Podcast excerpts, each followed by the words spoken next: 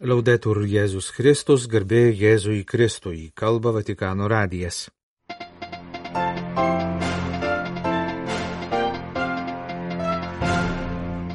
Popiežiaus maldos intencija kovo mėnesiui Pranciškus prašo kartu su juo melstis už persekiojamus krikščionis. Popiežiaus užuojauta Burkina Faso tikinčių bendruomeniai gedinčiai penkiolikos nužudytų žmonių. Artėja kasmetinės maldos ir atgailos pamaldos 24 valandos viešpačiui. Venecija rengėsi popiežiaus vizitui balandžio mėnesį. Ukrainos bažnyčia užbaigė metus skirtus buvusiam savo ganytojui kardinolui Husarui. Pabaigoje trumpai apie gavėnios rekolekcijas Norvegijos lietuvių katalikų misijoje Bergene. Popiežius Pranciškus pristato kovo mėnesio maldos intenciją. Este mes quiero contarles una historia que es un reflejo de la iglesia de hoy.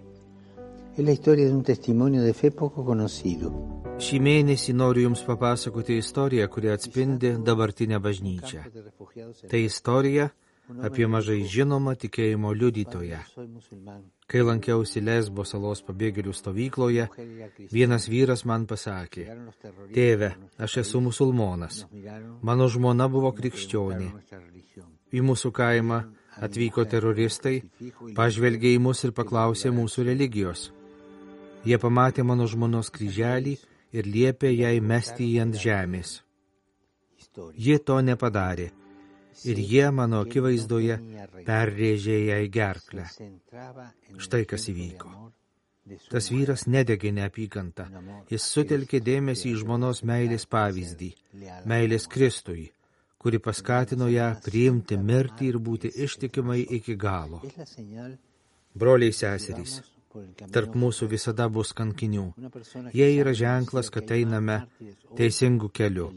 Kai kas tvirtina, kad šiandien kankinių yra daugiau nei krikščionybės pradžioje. Kankinių drąsa, kankinių liudėjimas yra palaiminimas visiems. Oremos para que quienes en diversas partes del mundo arriesgan su vida por el Evangelio contagien a la Iglesia. Melskimės, kad tie, kurie įvairiuose pasaulio kraštuose rizikuoja gyvybę dėl Evangelijos, užkrėstų bažnyčią savo drąsą, misionierišką drąsą, kad brangintume kankinystės malonę.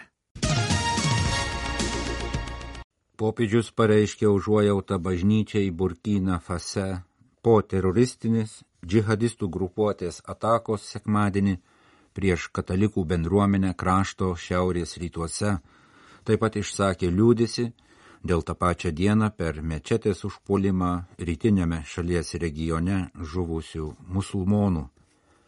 Neapykanta neišsprendžia konfliktų, pažymėjo popiežiaus vardu Vatikano valstybės sekretorius. Popiežius prašo gerbti maldos namus, kovoti su smurtu ir skleisti taikos vertybę. Kardinolas Pietro Parulinas, valstybės sekretorius popiežiaus užuojautą perdavė telegramą Burkina Faso ir Nigerio vyskupų konferencijos pirmininkui, vyskupui Laurontui Dabir, Dorio vyskupijos, kurios teritorijoje sekmadienį įvykdyta nuožmė ataka prieš nedidelę Esakano kaimo katalikų bendruomenę vyskupui. Tikintieji užpuolimo metu meldėsi koplyčioje, dalyvavo vietos katecheto vadovautose sekmadienio pamaldose. Ta pačią dieną neįvardyti kovotojai užpuolė mečetę Nitiabuane rytų regione. Tiksliai nežinomas nužudytų musulmonų skaičius, pasak spaudos atstovų, kelios dešimtys žmonių. Abi atakos įvyko sekmadienio vasario 25 rytą popiežius dalyvauja esekane žuvusių artimųjų gedulę, liūdi su jais ir užtikrina savo artumą dėl mečetės užpuolimo liūdinčiai Natie Buano musulmonų bendruomeniai, melsdamas už mirusius, Pranciškus jos paveda Dievo gailestingumui, taip pat meldžiasi už sužeistųjų pagyjimą ir prašo viešpaties stiprybės ir paguodos visiems nukentėjusiems abiejuose tragiškose įvykiuose. Popiežius taip pat prašo Dievo palaimos visiems Burkina Faso gyventojams. Jūs klausotės Vatikano radijo. Nuo kovo 8 vakaro iki kovo 9 vakaro bus švenčiamos 24 valandos viešpačiui, atgailos pamaldos ir visą parą trunkanti švenčiausio sakramento adoracija. Popiežius Pranciškus šioms pamaldoms vadovaus Romos Šventojo Pijaus V parapijoje. Apie tai per praėjusio sekmadienio mišes pranešė parapijos klebonas. 24 valandų viešpačių tradiciją įvedė popiežius Pranciškus savo pontifikato pradžioje. Pamaldų organizavimą patikėdamas tuometiniai popiežiškajai naujosios evangelizacijos tarybai, kuri dabar įeina į evangelizacijos dikasterijos sudėtį ir pavesdamas jai užduoti šią gavėnios atgailos pamaldų formą paskleisti pasaulyje. Anksčiau popiežius Pranciškus šioms pamaldoms vadovaudavo Šventojo Petro bazilikoje.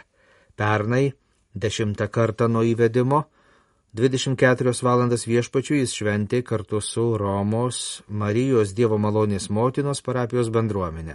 Šiais metais jis pasirinko Romos Šventojo Pijaus penktojo parapiją. Popiežiaus vadovaujamos pamaldos penktadienį, kovo 8 dieną prasidės 16 val. 30 minučių. Po pamaldų iki vėlyvos nakties ir visą kitą dieną bažnyčioje vyks švenčiausio sakramento adoracija ir bus galima atlikti išpažinti. Panašia tvarka 24 valandos viešpačiui bus švenčiamos ir kitose pasaulio vyskupijose. Prieš keletą dienų buvo pranešta, kad balandžio 28 dieną, sekmadienį, popiežius keliaus į Veneciją, kur aplankys Venecijos bienalės Šventojo Sosto paviljoną ir susitiks su vietinė katalikų bendruomenė. Venecijos patriarchas arkivyskupas Francesco Moralija kreipėsi į Venecijos katalikų bendruomenę, prašydamas per gavėnę, kai rengiamės Velykoms, į savo kasdienės maldas įtraukti ir ypatingą maldą už pas Venecijos tikinčiuosius atvykstantį popiežių.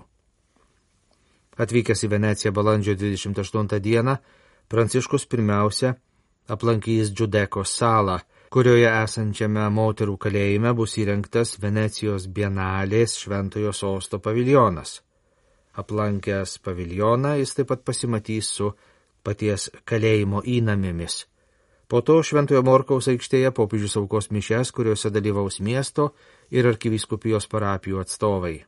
Ateinančios savaitės yra brangus dvasinio, asmeninio ir bendruomeninio pasirengimo laikas, kuris turi mums kaip vietiniai bažnyčiai padėti kuo geriau pasirengti susitikimui su popiežiumi, rašo arkivyskupas Moralija, prašydamas melstis už Pranciškų ir už jo kaip Romos vyskupo tarnystę. Arkivyskupas taip pat atkreipia dėmesį į simbolinį sutapimą. Petro įpėdinis atvyksta pas Venecijos globėją Morkų, o evangelistas Morkus juk buvo artimas apaštalo Petro bendradarbis. Mūsų nedidelė katalikų bendruomenė Mongolijoje labai intensyviai išgyvena šį gavėnios laiką. Parapijų bendruomenės pradėjo pastoracinės programas, pradėjome minėti maldos metus, kuriuos popiežius paskelbė kaip pasirengimo jubiliejui laikotarpį. Žinių agentūrai Fides pasakojo Ulan Batoro, apaštališkasis prefektas, kardinolas Džordžo Marengo. Kardinolas atkreipė dėmesį ir į gavėnios pradžios sutapimą su naujaisiais menulio metais. Šiemet mongolų švenčiami naujieji metai sutapo su Korejoje ir Kinijoje švenčiama metų pradžia. Savaitgalį visi Mongolijos gyventojai šventė naujosius metus, o po kelių dienų, pelenų trečiadienį, mažoji katalikų bendruomenė pradėjo gavėnę. Nors iš tiesų naujieji metai yra džiaugsminga šventė, visai kitokia negu gavėne, tačiau tarp jų yra ir panašumų. Pasak kardinolo, didžiausias gavėnios ir menulio naujųjų metų panašumas yra raginimas atsinaujinti, siekti gilaus, ne išorinio atsinaujinimo. Tai, kas buvo praėjusiais metais, visų pirma, nesutarimai ir nesusipratimai turi likti praeitįje, kad būtų galima pradėti naujus taikius santykius. Antras Mongolijoje švenčiamų naujųjų metų aspektas, svarbus ir gavėnę pradėjusiems katalikams, yra tai, kad prasidedant naujiems kalendoriniams metams, visi tampame vieneriais metais vyresni, o tai savo ruoštų skatina gerbti pagyvenusius žmonės kaip kolektyvinės išminties sergėtojus. Ši mongolų kultūros vertybė brangi ir krikščionims, ypač per gavėnę išryškėja dvasinių motinų ir tėvų svarba. Mongolijos katalikų bendruomenės vadovas patikino, kad šalies katalikai jaučia stiprų ryšį su šventuoju sostu. Buvo išversta popiežiaus pranciškaus gavėnios žinia į mongolų kalbą ir išplatinta pelenų trečiadienį. Kardinolus taip pat atkreipė dėmesį, kad visai neseniai Šventojo sosto komunikacijos dikasterijos interneto portalas Vatican News pradėjo skelbti žinias mongolų kalba. Tai labai svarbi priemonė, kurios dėka Mongolijos katalikai gali kas savaitę susipažinti su popiežiaus pranciškaus bendrosios audiencijos katecheze ir sekmadienio vidudienio malda.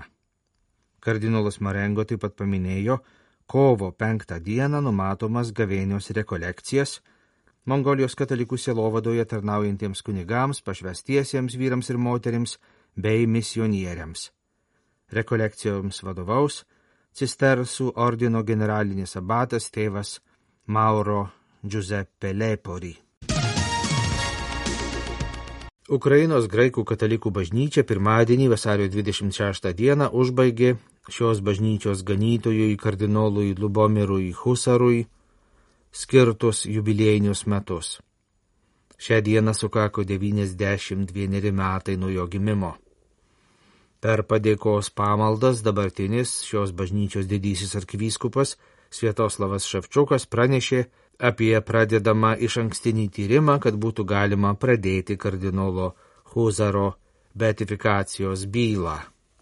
Kyjivo ir Haličio didžiojo arkivyskupo Svietoslavo Ševčiuko dekrete, kuriuo pradedamas parengiamasis tyrimas, nurodoma, kad kardinolo Lubomiro Husaro žodžio ir dvasios stiprybė ir šiandien tarnauja žmonėms kaip atrama ir kelrodis kasdienėme gyvenime ypač dabartinio baisaus karo metu. Nuo pat kardinolo mirties Dievo tauta pradėjo rodyti ypatingą dvasinę pagarbą jo asmeniui, ne tik melzdama jam amžinojo atilsio, bet ir prašydama jo užtarimo.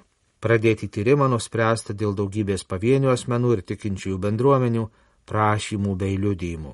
Tarp Dievo tautos narių spontaniškai susiformavo nuomonė apie kardinolo Huzaro šventumą, skatinanti krikščionys melstį jo užtarimo, teigiama tyrimą pradedančiame dekrete. Lubomiras Huzaras gimė 1933 metais vasario 26 dieną Lvive. 1944 metais šeima pasitraukė iš sovietų užimto Lvivo į Salzburgą Austrijoje, o 1949 emigravo į Junktinės Amerikos valstijas. Ten baigęs Šventojo Bazilijaus ukrainiečių kunigų seminariją, Lubomiras Huzaras 1958 metais buvo išventintas kunigu. Po to iki 1969 metų dėstė toje pačioje kunigų seminarijoje, taip pat tarnavo ukrainiečių sielovadoje. 1969-72 metais jis tęsė studijas Romos popiežiškajame Urbono universitete. 1977 balandžio 2 dieną jis buvo konsekruotas vyskupu. Tuo metu Romoje gyvenęs Ukrainos graikų katalikų bažnyčios vadovas Lvivo ir Haličio arkivyskupas kardinolas Miroslavas Ivanas Liubačivskis paskyrė vyskupą Huzarą savo generaliniu vikaru. 1933 metais vyskupas Lubomiras Huzaras sugrįžo į Ukrainą.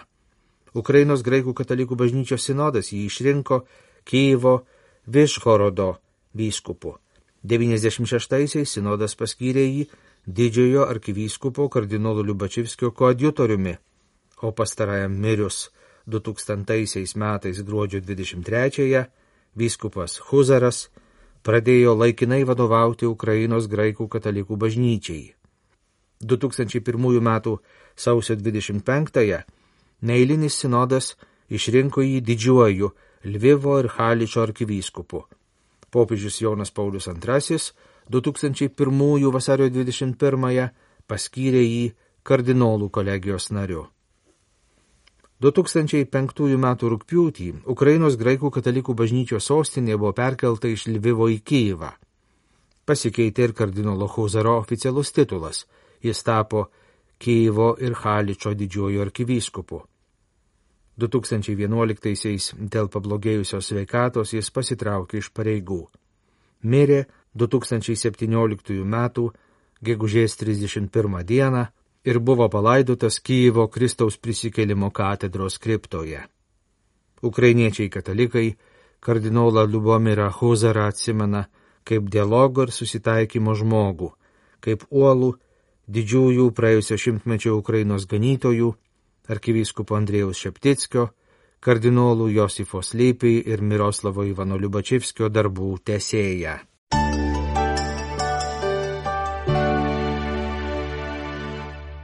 Vasario 24-25 dienomis Bergino lietuvių katalikų bendruomenėje Norvegijoje vyko gavėnios rekolekcijos, kurias vedė kunigas Richardas Doveika. Rekolekcijas organizavo kunigas Saulis Stumbra, Bergino lietuvių katalikų sielovados vadovas ir Laura Alisienė, Bergino lietuvių katalikų misijos valdybos pirmininkė. Pirmąją rekolekcijų dieną vainikavo atgailos pamaldos bei abiejų kunigų aukotos šventosios mišios. Antrosios rekolekcijų dienos metu kunigas Richardas Doveikas susitiko su besirengiančiais pirmajai komunijai ir sutvirtinimo sakramentui bei jų šeimų nariais. Šios rekolekcijos tai tarsi šventumo šaltinis užpildęs mūsų širdis tai viešpaties garbiai gėdotas himnas, tai kažkas tokio, ką žodžiais sunku ir be apsakyti. Po jų būsime nuolankesni, dvasiškai pakilėti, vienas kitų labiau pasitikintys ir žinantys, o ne tik tikintys, kad viešpats yra. Pažymima Lietuvių katalikų misijos Bergene išplatintoje informacijoje apie gavėnios rekolekcijas. Pirmąją rekolekcijų dieną mes lyg naujai vėl mokėmės atrasti ir atverti savo širdies duris, prisiminėm nenuginčiamą tiesą, kad kai viešpats tampa mūsų gyvenimo ašimi, arba kitaip sakant, būna mūsų gyvenimo centre, mes lengviau atsispirime piktojo vilionėms.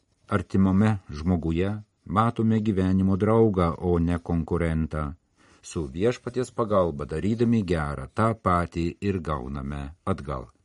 Supratome, kad niekada nepavėluosime mylėti jai pravertomis rankomis ir atvira širdimi, pasitiksim į mus einančius, dėkosime vieni kitiems vien už tai, kad esam, išmoksim ištarti taip sunkiai ištariamą žodį.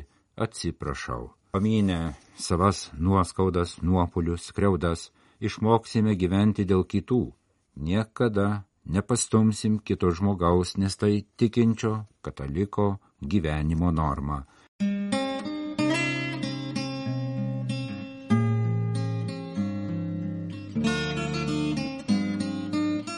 Kalba Vatikano radijas. Laidą lietuvių kalba baigėme. Garbėjai Jėzui Kristui, laudetur Jėzus Kristus.